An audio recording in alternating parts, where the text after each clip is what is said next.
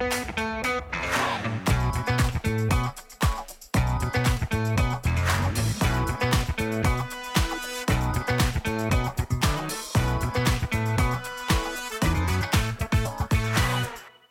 הבאים לפודקאסט של דיבורי קהילה, הפודקאסט על אנשים וקהילה. כל פרק נפגוש דמות מעוררת השראה שתספר לנו על עצמה, ולא פחות חשוב, על עולם הקהילה. אני ענווה רצון, עובדת סוציאלית קהילתית, מומחית בפיתוח קהילתי וארגוני בסביבה המשתנה, ודניאל לצערנו לא כאן, הוא במילואים, אבל מי שכן כאן זאת uh, מרים שפירא. מרים, לא יודעת אם את דוקטור או לא. לא, לא. לא? את רק כותבת... האינטרנט הכתיר אותי, אבל זה לא. זה לא.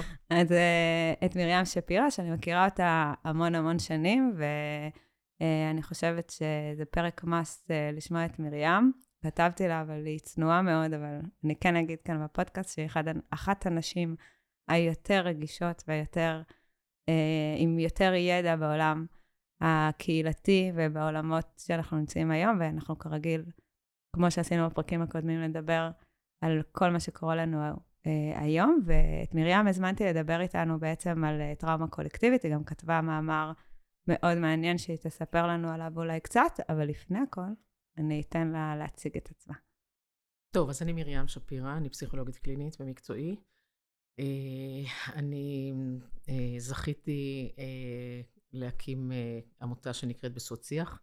היום זה הפך להיות בשביל השלם, שעוסקת בדיאלוג בין קבוצות קונפליקט בארץ וגם בעולם, אבל בעיקר בארץ. רלוונטי תמיד, ורלוונטי עוד יותר גם היום.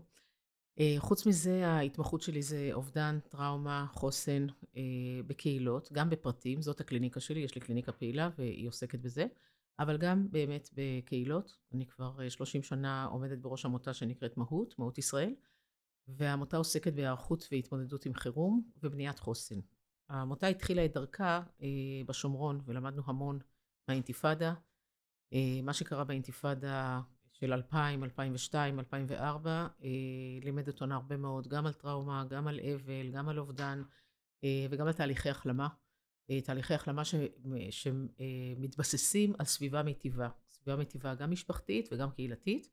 אה, וזה בעצם ההתמחות שאותה הכנסנו למהות. מהות זה ארגון שבאמת אה, הולך ומתעצם מבחינת הידע והתפיסות. יש לנו אנשים רבים מכל מיני גוונים של אה, תעסוקה ושל הכשרה.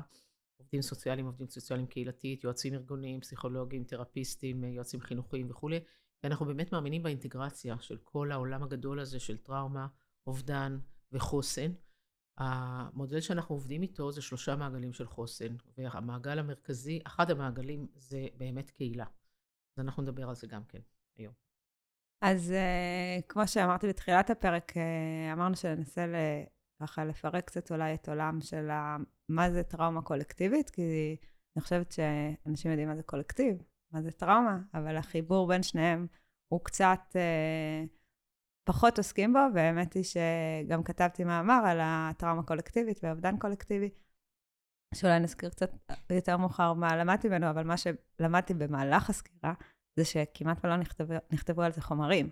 נכון. אמ, אז אולי בואי נתחיל עם איזושהי הגדרה על הטראומה הקולקטיבית, ומה בין שני העולמות. אז יש פה כמה רכיבים בטראומה קולקטיבית. קודם כל, הטראומה הקולקטיבית היא טראומה שהיא... כמו אבן שמוטלת על בריכת מים. נניח שהיא פגעה במישהו אחד, אבל האדוות סביבה הן מגיעות עד קצה הבריכה, והן אדוות חזקות. והמאמר שכתבנו זה על משפחה אחת שנפגעה אה, באירוע רצחני, אירוע טרור, אבל כל הקהילה מסביבה בעצם הייתה קהילה פגועה. אז אנחנו רואים את כל המערכת כמערכת פגועה. הטראומה היא קולקטיבית, בין אם אנחנו מתייחסים לקהילה כקולקטיב, ובין אם מתייחסים לחברה כקולקטיב. עכשיו, טראומה קולקטיבית, יש לה קודם כל את ההיקף, שזה מה שאמרתי עד עכשיו. יש לה את ההיבט של האובדן. בדרך כלל מדובר באובדן טראומטי, לא בטראומה אה, אחת שאין בה אובדנים, אלא יש אובדנים בטראומות האלה. אה, יש עניין בטראומה קולקטיבית של היום, זה מאוד מאוד אה, אה, בולט, של מתמשך. טראומה קולקטיבית היא מתמשכת, יש לה השלכות רעילות וארוכות טווח, ואפילו בין-דוריות. כשאנחנו מדברים על הטראומה הקולקטיבית שממנה למדנו הכי הרבה, אה, בעיקר בספרות האנליטית והפסיכולוגית, זה הטראומה של השואה, טראומה קולקטיבית של העם היהודי. והיא משפיעה עד היום. יש לה השפעות לאדוות, גם ברמה הפרטנית, לדור השני בוודאי, השלישי והרביעי. אה, אבל יש לה השלכות על כל, על כל העם, על כל החברה הישראלית, בסדר? וגם על העולם. אז זו טראומה קולקטיבית באמת גדולה, אה, ענקית, עצומה. אה, אני, הטראומה הקולקטיבית של היום, היא, יש לה מאפיינים דומים. לצערי. גם מבחינת ההיקפים, יש פה המון המון אנשים שנפגעו ישירות. זה המעגל של הנפגעים שאנחנו רואים אותו. יש הרבה מאוד אנשים מסביבם, אנחנו מדברים על מאות ואלפים, שניצלו בנס, וגם הם חוו את הטראומה, בסדר? ויש מסביבם את הקהילות, שהקהילות בעצם כולם נעקרו בגלל הטראומה שקרתה בשטחם, בגלל הסיכון שהם היו בו, סיכון חיים שהם היו בו. אה, ועצם העקירה זה גם כן אלמנט טראומטי מאוד מאוד כבד, שהוא עדיין מתמשך עד היום ועדיין אין לו אופק. אז ככה שהמציאות המאוד מורכבת, ש... חייבים להגיד, לא הכרנו כמוה, צריך להגיד את זה בצורה מאוד מאוד ברורה, לא הכרנו כמוה. אה, גם מבחינת ההיקף לא, גם מבחינת הברוטליות והאכזריות שלא הכרנו ולא דמיינו, אה, גם מבחינת ההתמשכות, ובעיקר מבחינה זאת שאנחנו עדיין במצב מלחמה, שזה אומר שקשה מאוד לייצב סביבה מוגנת דייה על מנת אה, לאפשר תהליכי החלמה טבעיים. גם מהאבל וגם מהטראומה. וזה המצב שלנו היום. זה מצב מאתגר ביותר מבחינת ההחלמה. ואני חושבת שגם העולם, אה, בכל העולם, חוץ מאולי אוקראינה, שהיא יחסית, אה, שהיא גם עולם מערבי, שנמצא במלחמה, העולם המערבי בעצם לא היה במלחמה, אז אין אפילו מאיפה לשאוב ספרות מקצועית, או תובנות, או למידה אה, מתוך הדבר הזה, שאתה מכניס איזשהו מימד. נוסף, אה, אם אני מכניסה כאן עכשיו את האנשים שמתערבים, נכון. ש, שזה ללמוד על הדרך. נכון, נכון. אז באמת מה שיש לנו ללמוד, אני כן אגיד שאנחנו כן צברנו, גם בשנים הרבות שלנו בשומרון, וגם uh, בליווי הצמוד שעשינו ל, uh, לנפגעי התנתקות, גם בצפון השומרון וגם בגוש קטיף, אנחנו כן צברנו ידע רב גם על הנושא של טראומה קולקטיבית קהילתית, כשהקולקטיב הוא הקהילה בעצם, וגם על הנושא של עקירה. עקירה זה חלק, מה, זה חלק מתמשך של התוצאה של הטראומה הקולקטיבית הזאת. אמ, אז אני אגיד שעל הטראומה הקולקטיבית, אני כן יכולה לספר על המאמר שכתבנו בזמנו, אה, כתבתי יחד עם דוקטור חיה פסטיק ועם ורד שלמן, אה, מהמועצה האזורית שומרון בזמנו. אה, בעצם היום אנחנו מסתכלים על זה בצער גדול, אני יכולה להגיד שהאירוע הוא של 2010, הוא היה פרומו. האירוע של משפחת פוגל באיתמר, זה היה פרומו למה שחווינו ב... אה, מתקפה איומה בשמחת תורה ב-7 באוקטובר. הייתה חדירת מחבל או מחבלים, הייתה חדירת מחבלים ליישוב קטן, רצחו משפחה, משפחה שלמה, אה, וכל היישוב כולו בעצם היה תחת אה, איום מאוד מאוד כבד של כמה שעות עד שתפסו את המחבלים. הטראומה הייתה קולקטיבית, לחלוטין הטראומה הייתה קולקטיבית, ואנחנו גם עשינו התערבות שמותאמת ל-continuous complex טראומה, ממש, כי זה גם היה קומפלקס. זה לא רק היה קולקטיבי, זה גם היה קומפלקס, משום שהיו פה רכיבים שונים ורבים לטראומה הזאת. גם האופן שבו הם נרצחו, אה, גם הפתאומיות שבו זה, שבה זה קרה, גם זה שזה משפחה, וזה תינוקת הייתה שם גם כן. היו שם כמה רכיבים שהיום אנחנו מסתכלים עליהם, זה all over, כן. ואני חושבת שגם, שזה גם מה שקרה עכשיו, האמון במערכת, בשמירה, במה שאמור להגן עלינו, שמתנפץ. נכון. אז באמת, מה שקרה במערכת, שהרציפות של התודעה אה, נשברה. הרציפות, הרבה רציפויות נשברו באירוע של עכשיו, כן? הרבה רציפויות. גם הרציפות התפקודית כמובן, התחילה מלחמה והיה צריך אה, לחלץ את האנשים שנשארו, שניצלו וכולי. אה, גם הרציפות של התפקיד נשברה. הרבה אנשים בעלי מקצוע כמונו נגיד, ממש לא ידעו את נפשם. כאילו, עמדנו בבוקר ולא כל כך ידענו מה מומה, כאילו לאן ללכת בכלל, מרוב זירות שהיה צורך להתערב. אה, והרציפות של התודעה היא בעיקר זאת שסובלת הכי הרבה, היא זאת שנשברה, כי האמון שאנחנו כל, כל כך היינו רגילים אליו, אמון בצבא, נשבר לחלוטין. אמון במדינה ובמשרדיה ובכל השלוחות שלה, שזה צריך להגיד שעוד קדם לזה גם כל התהליך שלה כמה חודשים ארוכים קודם. אה, אמון באדם, באנושיות של הבן אדם, זה דבר שאי אפשר היה להכיל. הנפש לא יכולה להכיל את הדבר הזה. איך בן אדם, איך בני אדם יכולים לעשות זוועות כאלה. אה, וזה מלווה אותנו עד היום. הנפש לא יכולה להכיל דבר כזה, לא יכולה לעכל את זה. גם הראש, אני חושבת, כאילו שהראש לפעמים מבין, אבל אי אפשר להבין את זה. אי אפשר לעכל את זה, זה לא, אין לנו פרמטרים אה, במוח שיכולים לקטלג את זה ולשים את זה באיזשהו מקום, זה מאוד מאוד קשה. ואני חושבת שאגב, זאת הסיבה האינטואיטיבית לחלוטין, אה, בלי קשר למודעות, אה, שנוצר גל עצום של טוב והתנדבות. גל עצום שהוא עד עכשיו לא פוסק. גל באמת מטורף, שזה באמת גם קצת נחמה, ואני חושבת שזה ממש דרך של ריפוי עצמי של הנפש, לרפא את עצמה אל נוכח הרוע המוחלט הזה שהתגלה באותו יום. אגב, קראתי אה, שני מאמרים שהזכירו את זה, אחד ברמה האישית והשני ברמה הקולקטיבית, שאחד מהדברים שקורים בטראומות כאלה, זה שאין לנו מילים לתאר את הדבר הזה. אין מילים, לא לניצולים ולא אה, לקהילה ולא ברמה הלאומית, וממש על הצורך בתהליך עיבוד ובתהליך ריפוי של להתחיל לייצר שפה חדשה, שבה נוכל להבין אחד את השנייה ונוכל אה, להתחיל לייצר על זה שיח, שיהיה אה, שיח שנתחבר אליו. אה, וממש נתנו דוגמאות מתוך... אה, אמנם יותר טיפולים אה, פרטניים שם, במאמר הספציפי הזה, של איך מטופלים אומרים, אני לא יודע להסביר, או אין לי מילים, ואז גם כל התהליך של הריפוי הוא יותר קשה כש... תראי, זה מאוד מאוד בולט בטראומת, אה, אה, איך נאמר, בטראומות עם ברוטליות מאוד גדולה, ובטראומות של פגיעות מיניות. זה מאוד מאוד בולט. בטיפולים של פגיעות מיניות, אה, באמת מטפלים שעובדים בפגיעות מיניות אומרים את זה שוב ושוב, בטח לגבי ילדים, אבל גם לגבי מבוגרים או מבוגרות. אה, אין מילים לתאר, אין מילים, אי אפשר לבטא את זה במילים, אפשר לבטא את זה בתחושות, הגוף מדבר, אפשר לבטא את זה ב, אה, ב, אפילו במחשבה, אבל המילים המסודרות הן חסרות, וזו עבודה רבה טיפולית לבנות את המילים עבור זה. אגב, תשימי לב כמה שירים מתפרנס, מתפרסמים היום אה, ברשתות. אנשים שיש להם את היכולת המילולית הזאת לבטא את עצמם בש, בשיר כלשהו קצר, זה מאוד מבטא את רחשי הלב של אנשים שפשוט מרגישים ספיצ'לס. מרגישים באמת ספיצ'לס, וזה נכון שחלק מהתהליך של הריפוי, שהוא ייקח עוד המון המון זמן, ממש המון זמן, אני מדברת על הריפוי הקהילתי והלאומי. אה, זה חלק מזה זה לבנות את הנרטיב בצורה שהיא תהיה מובנת, שיהיה לה איזשהו פשר, איזושהי קוהרנטיות. היום אין קוהרנטיות.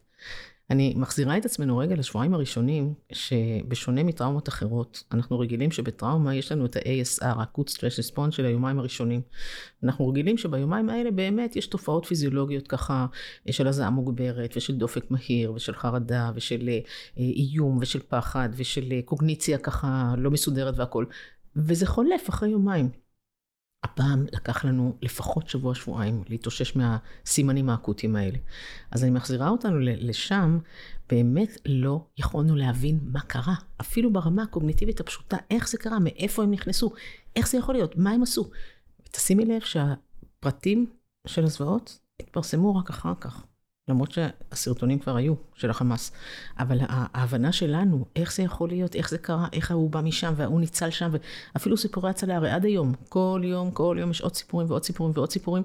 הקוגניציה שלנו, המוח שלנו לא יכול לאבד כל כך הרבה מידע אה, שהוא לא מובן, הוא מדומיין, הוא, הוא כאילו הזיה כזאת. זה ייקח זמן וזה לוקח זמן וזה קורה.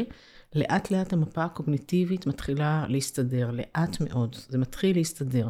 כל אחד עם הסיפור האישי שלו, וכולנו כחברה עם הסיפור החברתי. עכשיו, כל זה נכון מאוד לגבי קהילה. שהקהילה תהיה מסוגלת לספר את הסיפור שלה, זה תהליך ארוך, וזה לא קורה מיד. אני אתן סתם דוגמה. אה, הסיפור של צוות כוננות. הרי בכל הקהילות היו צוותי כוננות. חלקם לחמו ממש בצורה מיידית ומוצלחת, חלקם לחמו חלקית, חלקם, כל אחד עשה משהו אחר. חלק מהיישובים הייתה אה, חדירה ונהרגו אנשים, חלק מהיישובים הייתה חדירה ולא נהרגו, חלק מהאנשים לא הייתה חדירה אפילו, כאילו, באמת יש פה עשרות יישובים שספגו את המתקפה הזאת בעוצמות שונות ובסיפורים שונים. עכשיו, לספר את הסיפור של צוות הכוננות של אותו בוקר, זה דבר מאוד מאוד חשוב לקהילה.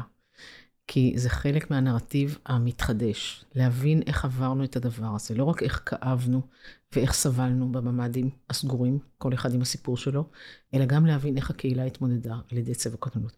עדיין היום, אנחנו כבר 70 יום אחרי, רוב הצוותים ורוב הקהילות עדיין לא יכולות לטוות בטית את הסיפור הזה, זה עדיין לא שם. אז באמת, אה, גם במאמר נורא מעניין שקראתי וכתבתי את זה אה, במאמר שלי, אז אה, שם הם סקרו את אה, קטרינה, אה, אחרי הוריקן קטרינה, כן. והם דיברו בעצם שבטראומות קולקטיביות שיש בהן המון המון אנשים, יש שלושה שלבים, שהראשון זה השלב המיידי, המענה המיידי, שבו סופרים את המתים, צריך לתת את המענים הכי על נעדרים, הכי הכי עובדים סוציאליים, איך מתחברים, מה עושים וכולי. אבל השלב השני, שאני חושבת שאנחנו נמצאים בו עכשיו, ואולי זה איזשהו כלי עבודה עם הקהילה, זה השלב של העיבוד. עוד לפני שחושבים על שיקום והסתגלות ו... וכל המילים, ה... ועל התקומה, וכל המילים היפים, היפות, שצריך להחזיק אותם, וצריך לחשוב אותם, ולפעמים צריך להחזיק אותם בשביל האנשים, כי הם עדיין לא מסוגלים להחזיק את זה בעצמם, אבל השלב שאיך אני באמת מאבדת את מה שראיתי, את מה שחוויתי, את מה שעשיתי, ואפרופו הצוותי אה, אה, כוננות שאת מדברת עליהם, אה, שהיו, אז אה, היה, יצא לי לבקר כמה קהילות ולדבר איתם, ואחד הדברים אה, שפגשתי בכל מיני קהילות, זה שאנשים שהם לא מהצוותים האלה, סיפרו לי את הסיפור של השביעי באוקטובר עם אותם מילים בדיוק של אותם צוותים. ו- וזה התהליך העיבוד שאת מדברת עליו, כלומר, נכון. הם יכלו להתחיל לייצר איזשהו רצף של להבין מה קרה מעבר לחוסר אונים, אולי נכון. אם אנחנו מדברים שנייה על, נכון. על החוסר אונים שלי היה בתוך המקלט שנשארתי, לאיך כקהילה כן היינו אקטיביים וכן ניסינו אה, לייצר איזושהי ודאות, סיוע, עזרה, שאולי אנחנו מרגישים שלא קיבלנו ממקום אחר, אבל כן, אנחנו היינו אקטיביים בתוך הסיפור הזה כקהילה. נכון. אז אני אגיד, בהמשך לזה, שבאמת בטיפולים פרטניים, והם חיוניים בשלב הזה, אנחנו קודם כל עושים ייצוב, קודם כל, בתקופה הראשונה, בשבועות הראשונים. תגדירי לנו ייצוב. ייצוב זה אומר הצרכים הכי בסיסיים, איפה לישון, מאיפה לקחת בגדים. האנשים התפנו מהבית, אה, חולצו בחוסר כל, חלקם. וגם מי שחולץ אה, לא תחת אש, הוא גם כן צריך... אז אוכל, ביגוד, אה, איך להסתדר עם החדרים אה, במלון נגיד, אה, בצורה שאפשר איכשהו לנהל משפחה סביר, כן, זוג, ילדים, מתבגרים וכולי, מוסדות חינוך לילדים, מסגרת לילדים, הדברים הכי הכי דחופים, הכי הכי, וכמובן נעדרים, מתים, לוויות, זיהוי, זה הרי היה נורא, השבועות הראשונים, מעולם לא ידענו כזאת תקופה של כל כך הרבה מתים, כל כך הרבה מתים לא מזוהים, כל כך הרבה ימים ושבועות שחולפים עד שמקבלים את ההודעה הרשמית, המרה, שאפשר לעשות לוויה ולהתחיל תהליך אבל מסודר. לזה אנחנו קוראים שיבושים בתהליך אבל, ואנחנו כותבים על זה עכשיו משהו באמת, על השיבושים האלה, כי זה עלול אה, להשפיע לרעה על המהלך של האבל התקין, בסדר? אז כל זה הצרכים הבסיסיים של הייצוב, זה השלב של הייצוב. גם בטיפולים פרטניים אנחנו קודם כל עושים ייצוב. מה שעשינו במלונות, אה, מה שהיה אמור להיות במלונות בתקופה הראשונה, בשבוע, שבועיים, שלושה הראשונים, זה התייצבות. קודם כל ייצוב. עכשיו, בשלב השני, שאנחנו באמת נמצאים בו עכשיו, אה, צריך לראות אם יש מספיק אה, סביבה מוגנת וסביבה מיטיבה, שאפשר להתחיל לספר את הסיפור בצורה קצת יותר מסודרת. כי אנשים סיפרו בהתחלה קצת פה ושם, אבל הסיפור יותר מלא יכול לצאת עכשיו, ועדיין זה לא הסיפור המלא מלא מלא מלא מלא, אה, עם הרובד של התחושות, עם הרובד של הקוגניציה, עם הרובד של המחשבות, עם הרובד של הרגשות, יש ארבעה רבדים שאנחנו עובדים כשאנחנו בונים סיפור נרטיבי, זה עדיין לא השלב הזה. כי אנחנו עדיין לא רוצים להיכנס לנקודות השחורות, זה נקרא, אה, שמחייבות אה, תשומה טיפולית יותר, יותר משמעותית, שמחייבות setting טיפולי. היום אנחנו במצב שנגיד מטפלת מספרת לי שהיא במלון עובדת עם ילד שבאמת נחשף לזוועות וכולי, היא, היא, אין לה חדר טיפולי מסודר ואין לה אף פעם, היא לא יודעת למה היא תבוא, היא מביאה איתה את כל החומרים שלה, היא עובדת באמנות, היא מביאה איתה את כל החומרים וכולל את הקופסה שהילד שומר את התוצרים שלו, כי אי אפשר לדעת איפה הם ישבו פעם הבאה. זה סדניק מאוד מאוד לא מוגן, מאוד לא מוגן, אז קשה מאוד לעשות עבודה נפשית רצינית כשהסטניק לא מוגן.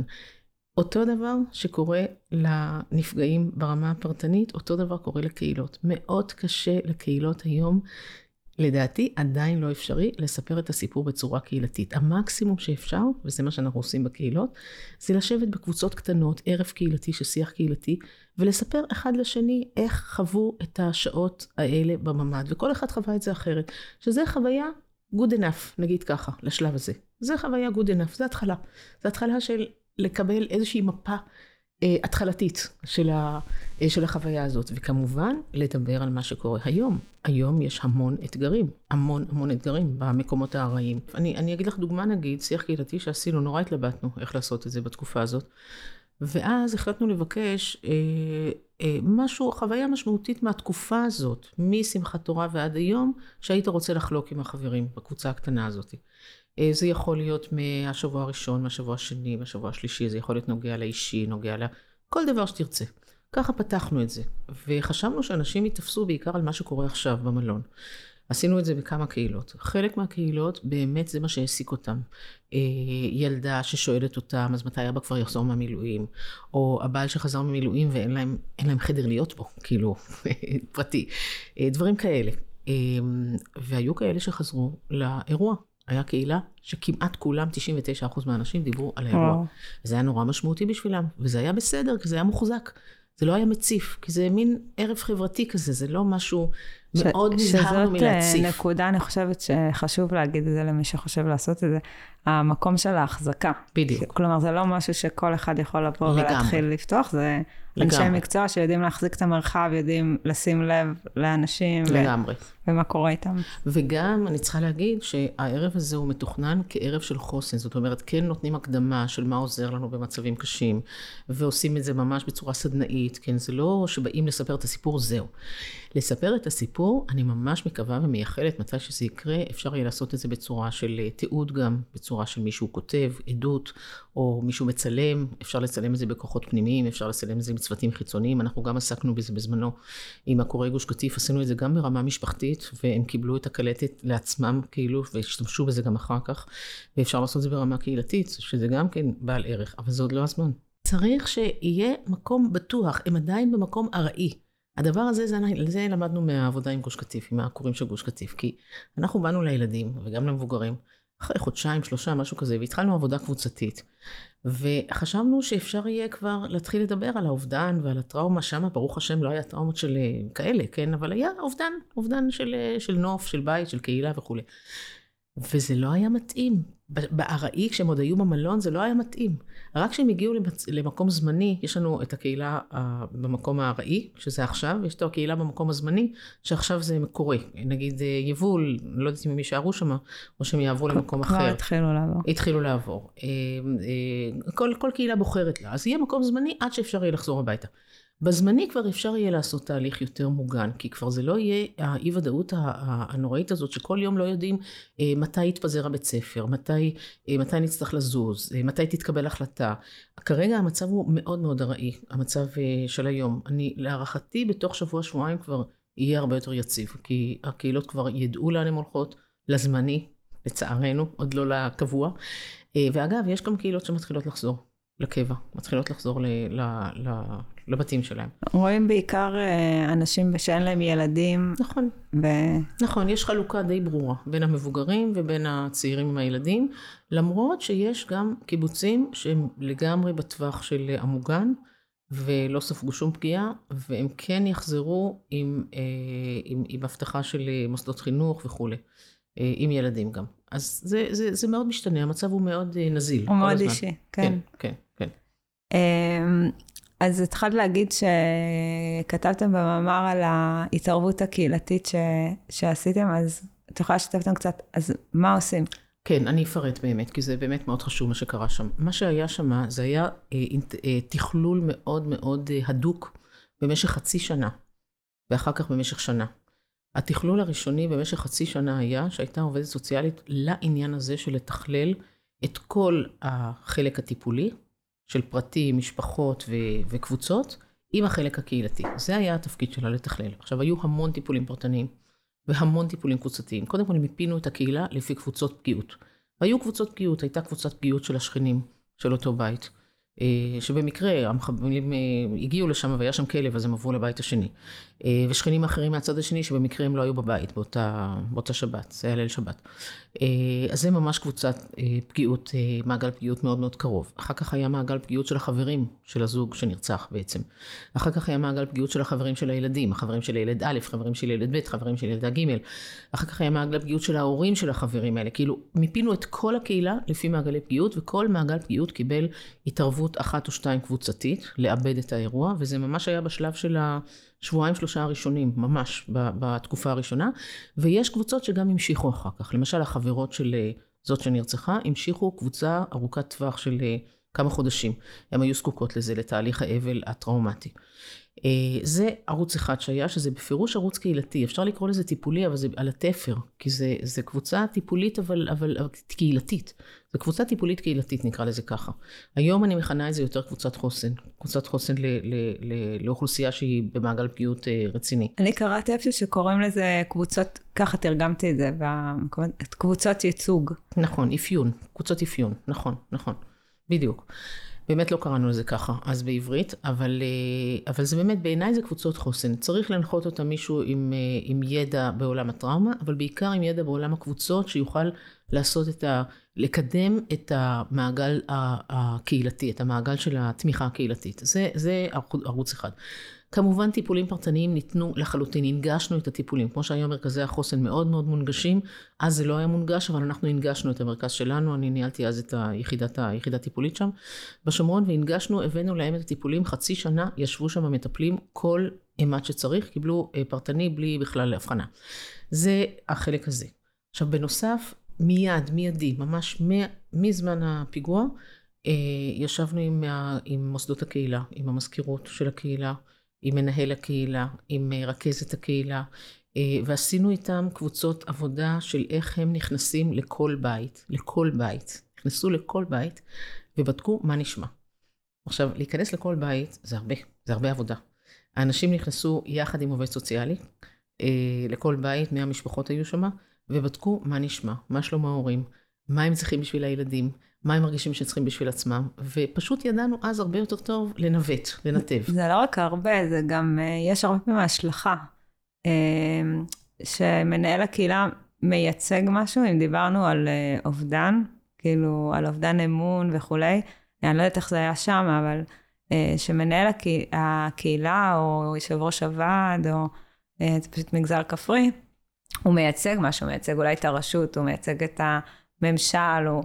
זה גם חוויה שיכולה, ולא לדבר על זה שרובם מגיעים מתוך הקהילות עצמם, אז הם גם... פגועים בעצמם. פגועים בעצמם. נכון. ו- ויש משהו שיכול להיות שישליכו עליו את כל הכעסים ואת כל התסכול, ו- את כל החוסר אמון שיש להם כלפי המערכות, שזה לאו דווקא עליו עצמו, נכון. אה, כשהוא נכנס, וזה משהו שצריך המון אה, החזקה גם. המון החזקה שלנו את בעלי התפקידים. כן. זה תהליך שהיה הכי חשוב בעיניי, להחזיק את בעלי התפקידים, רכז את הקהילה, לתת לה את הכוח בדיוק בהיבט הזה.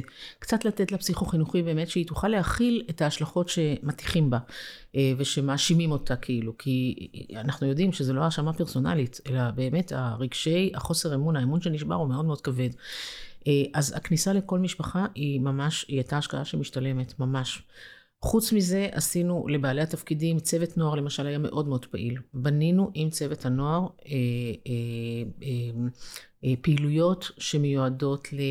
אה, זיכרון, להנצחה, ל... אני כבר מדברת על חודשיים שלושה אחרי, אבל הם כאילו עבדו, הם עבדו בעצמם, הם עבדו בעצמם פעילויות חוץ, פעילויות אאוטדור, זה לא היה שיחות ו... וכולי, ממש לא שיחות, אבל זה כן היה פעילויות כאלה מהסוג הזה שלמשל, אני זוכרת שהם החליטו לעשות מצפה לזכרם, אז היה צריך ממש לכבוש את הדרך, היה צריך ממש אה, לעשות עבודה פיזית רצינית. אז הם עשו את העבודה הפיזית, דווקא לא לקחנו אה, גורמי חוץ שיעשו את העבודה הפיזית, הם עשו את העבודה הפיזית. שזה בעצם שהמרחב או הפעילות הם הדבר המרפא, לגמרי. ולא השיח הטיפולי. לגמרי, לגמרי. בשביל נוער זה חד משמעי. עכשיו זה קרה לנו גם בטלמון בעקבות שלושת הנערים, שהחבר'ה בנו, הנוער יזם ובנה זולה או מבנה לזכרם, זה קורה בהמון המון מקומות.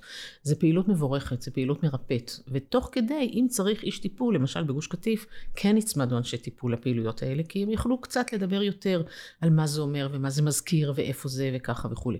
זה פעילות נוער שהייתה מאוד מאוד חשובה.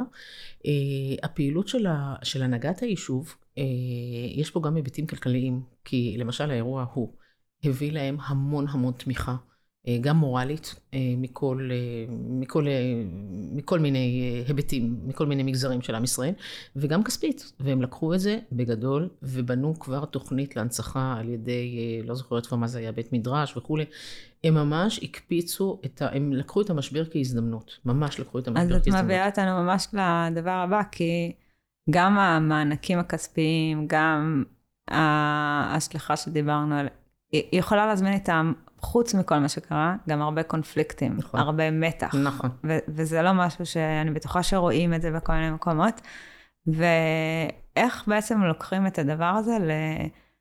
שאולי עוד קשה בכלל לחשוב במונחים כאלה לחברי קהילה, אבל למקום של צמיחה, גדילה. אז פה נכנסת העבודה הקהילתית של הליווי הקהילתי, שאנחנו במהות אה, אה, מובילים את הפרויקט הזה ביחד עם החטיבה להתיישבות ובתיאום עם מנהלת תקומה.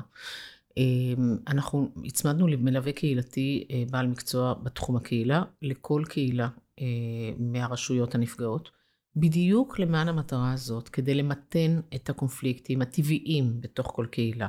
צריך לזכור שכשיש משבר בקהילה, גם של עקירה, גם של טראומה, גם של אובדנות, אה, גם של פגיעה מינית, כל מיני משברים שאנחנו נתקלים בהם, הג'יפות עולות, המתחים שממילא קיימים עולה, זה צף, זה כמו אה, אה, אה, גל מאוד גדול שמציף מלמטה את, ה, את הדברים. רק בווליום יותר גבוה, כי הם גם ככה אין ויסות. בדיוק, בדיוק. החוסר ויסות הוא מאוד מאוד אה, ניכר, וזה תפקיד של מלווה קהילתי, להחזיק את הסערה הזאת, לא להישאב לתוכה. לקחת אוויר, לזכור שיש פה קשיי ויסות של פוסט-טראומה, בסדר? יש פה קשיי ויסות של הטראומה הקולקטיבית. להחזיק את זה שם ולדעת שזה קונפליקטים שהם היו מתמיד. הם היו קודם, אנחנו לא נפתור אותם בדיוק עכשיו, אנחנו רק נחזיק אותם. אנחנו כן נתמקד במשימה העכשווית של איך להוביל את הקהילה. למשל, קונפליקט מאוד ברור, אה, איך להוביל את הקהילה להחלטה אה, הכי טובה שיש בתנאים הקיימים של מגורים זמניים למשל. זה למשל קורה עכשיו את הקהילות, המון מריבות קורות על הדבר הזה. אבל אם נסתכל רגע קצת הצידה, קצת מלמעלה, אנחנו נראה שבסך הכל זו החלטה שהיא לא יכולה להיות החלטה טובה. היא רק תהיה החלטה של הרע במיעוטו. כי החלטה טובה זה לחזור הביתה, כשאפשר. אז, אז, אז אפשר להסתכל על זה בתור, זה כורח מציאות ההחלטה הזאת, וברור שיהיו קונפליקטים פה, זה טבעי שיהיו קונפליקטים. וזה גם טבעי שחלק מהקהילות, רוב הקהילות, יחליטו מה שיחליטו, וחלק מהאנשים יתפצלו, יעזבו את הקהילה לזמן מסוים, יחזרו, אליה אחר כך. לקבל את זה ככורח המציאות, זה חוסן.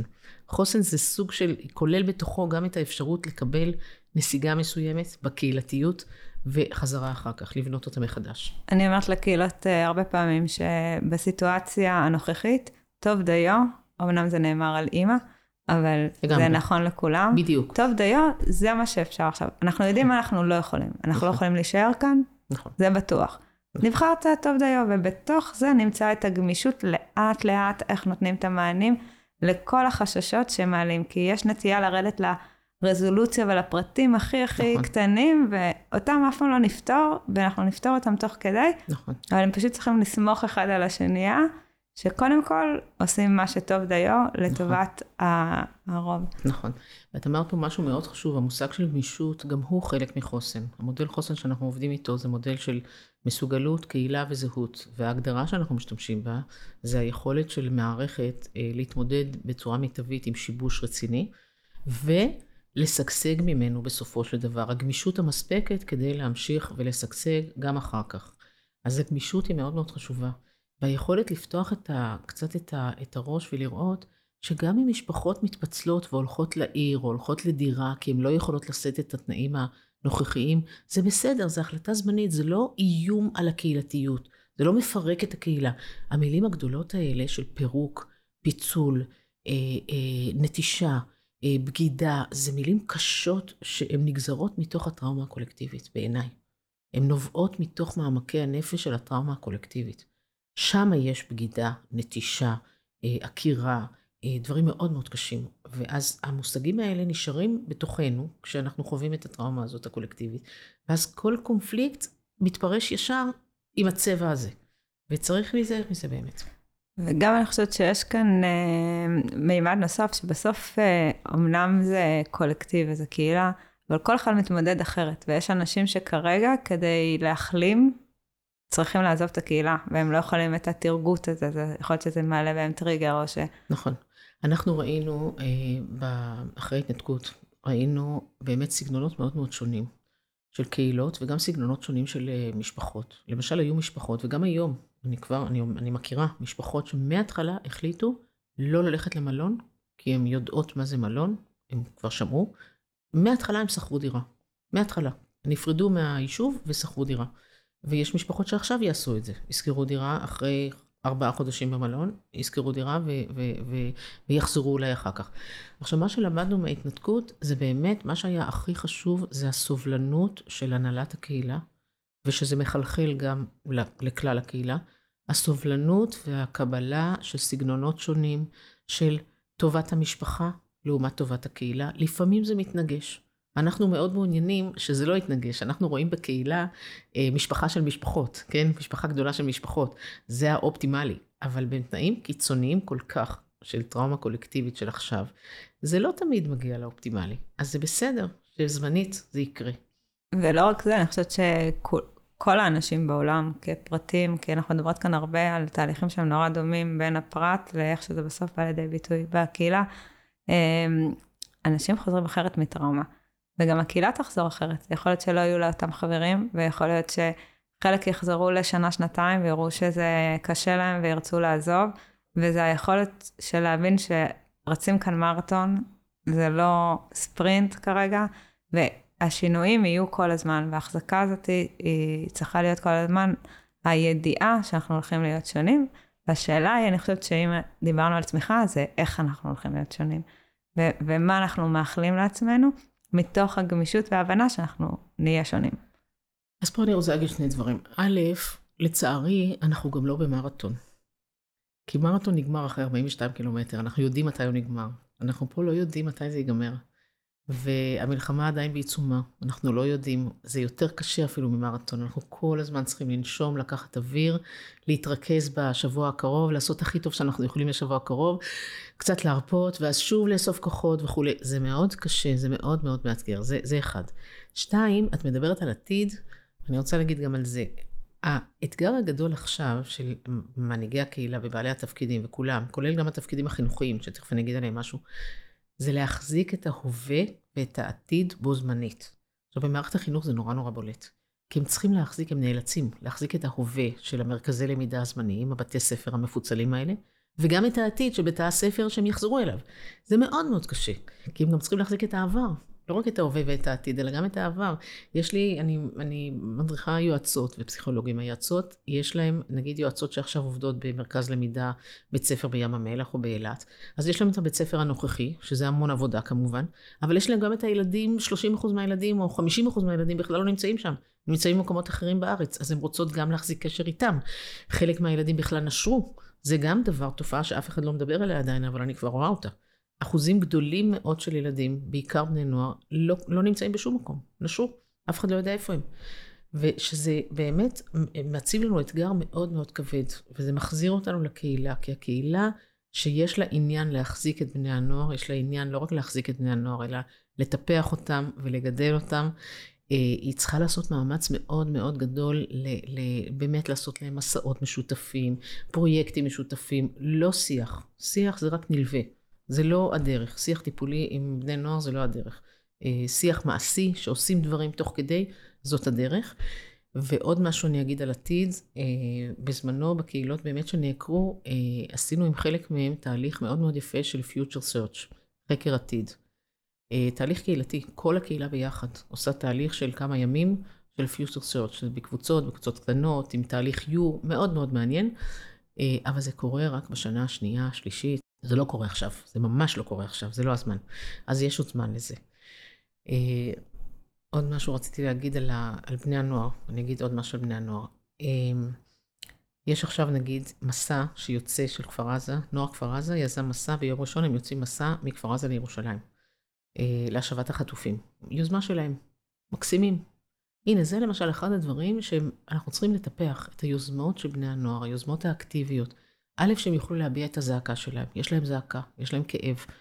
הם, זה הדרך שלהם להביע את הכאב, וזה טוב. אנחנו צריכים להחזיק אותם, לאפשר להם את הדבר הזה בתוך גבולות מוחזקים. בתוך גבולות מוחזקים שיצמצמו סיכון ככל האפשר. אה, שיאפשרו להם שיח אם וכאשר הם ירצו ביטוי. אה, זה, זה התפקיד שלנו, כי אנחנו באמת צריכים לתת לבני הנוער תקווה. וזה הדבר שהכי קשה לנו היום, לתת תקווה בעצם. אני חושבת שבאמת שני דברים נעלמו ב... באירוע הזה, זה, אה, שקשה למצוא אותם, זה אמונה ותקווה אה, להרבה הרבה דברים. ובגלל זה גם במאמר הבחנתי בין האובדן לבין הטראומה. נכון. כי אני חושבת שכולנו עברנו כאזרחים אה, איזושהי טראומה קולקטיבית, אבל כמו שדיברת מקודם, את האקוט סטרס ריספונד, אז לרובנו זה לאט לאט כן התפוגג. ונשאר, אבל כן נשארנו עם האובדן. נכון. לעומת אה, הקהילות עצמם שחוו את כל החדירת מחבלים וכולי, שהם עוד מחזיקים את הטראומה הזאת. ההתמודדות עם אבל היא הרבה יותר ארוכת טווח. בעיניי, אני לא חושבת שהיא התחילה בכלל, ההתמודדות עם האבל. גם לא הלאומי, בטח לא הפרטני והקהילתי, כי אין עדיין מוגנות, אין עדיין מקום בטוח להתחיל תהליכי אבל אה, ממשיים ותקינים. אה, ראיה אני אתן לך, שזה היה ממש דבר שכל כך כאב לי לראות. בשלושים, שלושים יום אחרי שמחת תורה, היו מעט מאוד קהילות שהצליחו להתארגן לעשות טקס של שלושים. עכשיו, זה טקס שעושים אותו. זה טקס שהוא כאילו, הוא חלק מה, מהנורמה של... אבל אי אפשר היה. השלושים יום הראשונים היו כל כך כל כך אקוטיים, מלאי הלוויות וזיהוי ושיבוש ו, ושמועות וחטופים ונעדרים. ו... זה היה 30 יום אקוטיים כל כך, שלא הצליחו אפילו לעשות את, ה, את הדבר הזה בצורה מסודרת. חלק התארגנו ברגע האחרון ועשו משהו. אני רק מביאה את זה כראיה לזה שתהליכי האבל התקין עדיין אה, משתהים, נקרא לזה ככה, עדיין משתהים. אני חושבת, אני צופה, שהתהליכי עיבוד טראומה קהילתית יהיו יותר תקפים, יותר משמעותיים, כשיתחילו היישובים לחזור. וגם אה, התסמינים שלהם אולי. התסמינים יעלו שוב בצורה יותר אה, אה, קלה, בצורה פחות מוקצנת. אולי זה תלוי איך, איך אה, אה, יעבדו איתם עכשיו, נכון. הצורה שיעלו. גם, גם, ותלוי בעיקר בתנאים הסביבתיים, וזה דבר שאני שומעת שוב ושוב, כל היישובים אומרים את זה, אנחנו נחזור הביתה כשיהיה, כשהביטחון יאפשר את זה. אנחנו לא נחזור הביתה כשלא יהיו תנאים ביטחוניים שיאפשרו שקט. אז יש כאלה יותר בקצה שאומרים עד שלא יהיה חמאס בכלל, יש כאלה פחות בקצה שאומרים אנחנו צריכים ביטחון סביר, שהצבא יגיד לנו. חייבים להגיד עוד משהו, שהאמון בצבא כן משתקם. כן משתקם, שזה דבר משמח וחשוב מאוד. לא רק שמשמח שנלחמים והמלחמה מתקדמת, אותי לפחות, אבל זה גם משמח שהשיקום מתקדם, אה, השיקום של האמון. כי השיקום, האמון בממשלה ממש לא זז, בכלל לא. והשיקום צריך לקרות בתוך הקהילה, ששם זה מאוד קשה, כמו שאת תיארת מקודם, הקונפליקטים וכולי. צריך לקרות בבית ספר, ששם זה עובד, עקב בצד אגודל. צריך לקרות בתוך חדר הטיפולים, צריך לקרות במשפחה. גם האמון במשפחה ובהורים זה דבר מאוד מאוד חשוב. ילדים, שבמיוחד הילדים היותר אה, רגישים, אה, הם לא מסוגלים להכיל את הדבר הזה. איך קורה דבר כזה בעולם? העולם הזה זה מקום רע, אם קורים בו דברים כאלה. אז יש פה המון המון השקעה במשפחה שצריכה להיות.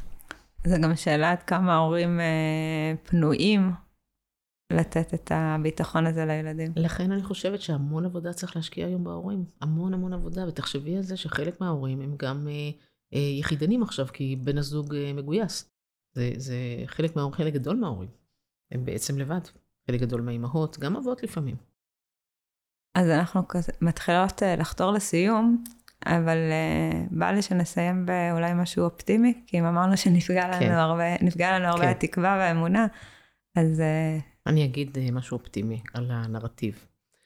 אותה קהילה קטנה שחקרנו אותה אז, uh, שבאמת האסון היה כבד והיה המון השקעה של טיפולים ו- ו- ובני נוער, וגם עשינו אגב מיפוי של פוסט-טראומה אצל כל הילדים של היישוב ובני הנוער, כדי שכולם יקבלו טיפול אם צריך. הנרטיב התחיל להשתנות. זה היה קהילה שהנרטיב שלה היה קהילה מוכה. היו להם 22 הרוגים עד וואו. אותו אירוע, במשך השנים. וזה היה הנרטיב שלהם. זה היה כאילו כרטיס ביקור. אנחנו, זה הכרטיס הביקור שלנו. אמ, וההנהגה, אותה הנהגה, שצריך לומר את זה, ההנהגה מאוד רצתה את הליווי, ומאוד הזמינה את הליווי. וההנהגה גם יצאה בקריאה פומבית לציבור, תצרכו טיפול כמה שאתם צריכים. אנחנו מקבלים טיפול אישי, תצרכו גם אתם. שזה מקסים. באמת לא רגיל ב- כן. ב- מבחינת הנהגה. הם באמת היו הנהגה נהדרת, בכל המובנים. הם החליטו שהם לא רוצים את הנרטיב הזה יותר. והם בונים נרטיב של קהילה מתמודדת, של קהילת uh, גבורה, קהילה מתמודדת. והם הלכו עם הנרטיב הזה, כולל הפיתוח הכלכלי שהיה, כולל הבנייה והבינוי שהם דרבנו גם את בני הנוער לעשות דברים, uh, כולל, uh, כולל דמוגרפית, הם צמחו והתפתחו בצורה בלתי רגילה. אז הם ממש הפכו את הנרטיב, וזה היה מאמץ מודע, מושכל, זה לא קרה מעצמו, זה היה מאמץ מושכל של ההנהגה. ואנחנו עזרנו להם כמה שיכולנו, מבחוץ, כאילו. זה דבר אחד שהוא אופטימי, באמת אופטימי. Uh, הדבר השני שהוא אופטימי זה הנרטיב שהשתנה בקרב הקהילות של, של גוש קטיף. השבר היה גדול בהתחלה, שבר של אמון, שוב, שבר של אמון, אמון באידיאולוגיה, אמון במדינה, אמון בצבא, עד כדי כך שבאמת היה שם קושי לבני נוער להתגייס לצבא באותה שנה ראשונה וכולי. Uh, והנרטיב, שוב, זו החלטה מושכלת של ההנהגה הרוחנית, כולל רבנים, כולל מנהיגי היישובים, התחילו לחשוב איך לנסח את הדבר הזה, מה שקרה, בצורה שהיא אופטימית והיא צופה פני עתיד. לקח זמן. היה דיכאון במשך תקופה של כמה חודשים טובים. יש מאמר של זה, של סמדר בן אשר על הדבר הזה, על, על ניצן, על מחנה, על מחנה המעברות, המעברה בניצן, כמקום של דיכאון. זה ממש היה מקום של דיכאון, בחודשים הראשונים. אבל אז הם הצליחו לבנות נרטיב של אמונה ושל אמון, שזה חלק, זה צעד בתהליך של אה, יישוב מחדש, אה, התיישבות מחודשת בתוך עם ישראל. כאילו, אני אספר לך דוגמה מרגשת, אנחנו היינו נוכחים באספה של אחד היישובים, אספה הכללית, ממש בחודש הראשון, חודש וחצי, ביישוב הארעי שהם היו, הם היו במעונות סטודנטים משהו, והם היו צריכים להחליט לאן ללכת. והיה לכאן והיה לכאן. אה, וקמה אחת ואומרת, אני מרגישה שאנחנו הולכים ללדת תאומים. והתאומים האלה, הם שני התאומים האלה, זה היישוב שלנו. תאום אחד ילך לכאן, והוא יבנה אה, את עם ישראל ו- ויתרום ל... ל, ל לא יודעת מה, ל, לחברה, ותאום אחד ילך לשם, והוא יהיה חקלאות. והוא יבנה את, אה, כמו שאנחנו היינו רגילים, הם היו חקלאים קודם. וזה תאומים. ללדת תאומים זו ברכה גדולה. אנחנו נהיה תאומים. הנרטיב הזה היה נרטיב מאוד מאוד אופטימי, ומאוד של תקווה, למרות שהקהילה התפצלה, התחלקה, אבל התחלקה בטוב. אז איך בונים את הנרטיב זה עניין, זה עניין מאוד מאוד חשוב, שהמלווים מבחוץ לא יכול לעשות את זה. זה צריך לצמוח מתוך התפיסות היותר עמוקות, מתוך מעגל הזהות של הקהילה. זה אחד מהמעגלים שלנו, של החוסן. יש מסוגלות, יש קהילה, יש זהות, מעגל הזהות הוא מעגל שלא קל לגשת אליו, צריך לבדוק היטב מה המצפן הפנימי, מה הערכים הכי הכי בסיסיים, ומשם לצאת ולחלץ את הערכים הבסיסיים ולבנות את הנרטיב בצורה מחודשת. ואני חושבת שבהחלט זה יכול לקרות וזה יקרה, בעזרת השם זה יקרה. והנוער יש לו תפקיד מאוד חשוב פה, אני, אני רוצה לומר, כי למשל הנוער ביוצאי גוש קטיף למשל, הם הרי לא עושים שיח טיפולי, אבל הם עשו הצגה. הבאנו להם דרמה תרפיסטים, הם עשו הצגה. הם עשו הצגה על כל מה שקרה להם, הצגה שבאמת הותירה את ההורים, אה, לא הייתה עין יבשה, בקיצור, כן, בכו, בכו, בכו, היה מאוד מרגש וזה וזה וזה, וההצגה הסתיימה בתקווה גדולה. תקווה גדולה שאנחנו כאן ואנחנו קהילה ואנחנו אוהבים אחד את השני ומשהו כזה ככה. ואותו דבר גם הילדים, הילדים הקטנים, עשינו איתם תערוכה ביום השנה, עשינו תערוכה של, של היישוב. הם בנו ממש את היישוב לפי פה הבריכה ופה המגדל מים ופה הבית שלי ופה הבית שלי. ושוב, הזמינו את ההורים, הזמנו את ההורים, ואז היה שיח תוך כדי. אז שוב, זה היה נורא נורא מרגש ונורא נורא עצוב, אבל גם נורא נורא אופטימי, כי חלק מהילדים בנו את המודלים של הבית שלהם לעתיד, של היישוב העתידי. זה בא מהם, זה לא בא מאיתנו. אז לילדים ונוער, כשאנחנו נותנים להם את הסביבה המיטבית וההורים באמת נוכחים, יש להם את היכולות, וגם למבוגרים יהיה את היכולות. אבל סבלנות, צריך פה זמן. הטראומה היא כבדה מאוד, באמת כבדה, וצריך את הזמן. צריך היום, אני חושבת, לתמוך בהורים המון, וזה גם תפקיד של קהילה, לתמוך בהורים. לעשות, לעשות את מה שאפשר בשביל שלהורים יהיה אה, יותר קל להאמין להאמין שיש עדיין טוב בעולם, והם מייצגים טוב עבור הילדים שלהם. אין לי מה להוסיף. כאילו, יכולתי להוסיף הרבה, אבל זה נראה לי מילים שראוי וכדאי אה, לסיים איתן. אז אני רוצה המון המון להודות לך שפינית מהזמן העמוס שלך ביותר, ומצאת לנו אה, שעה להגיע, אה, ותודה רבה. תודה לך. גם שאת עושה את הפוסטקאטים האלה, וגם שאת uh, כותבת ועובדת, ונהדר. תודה רבה.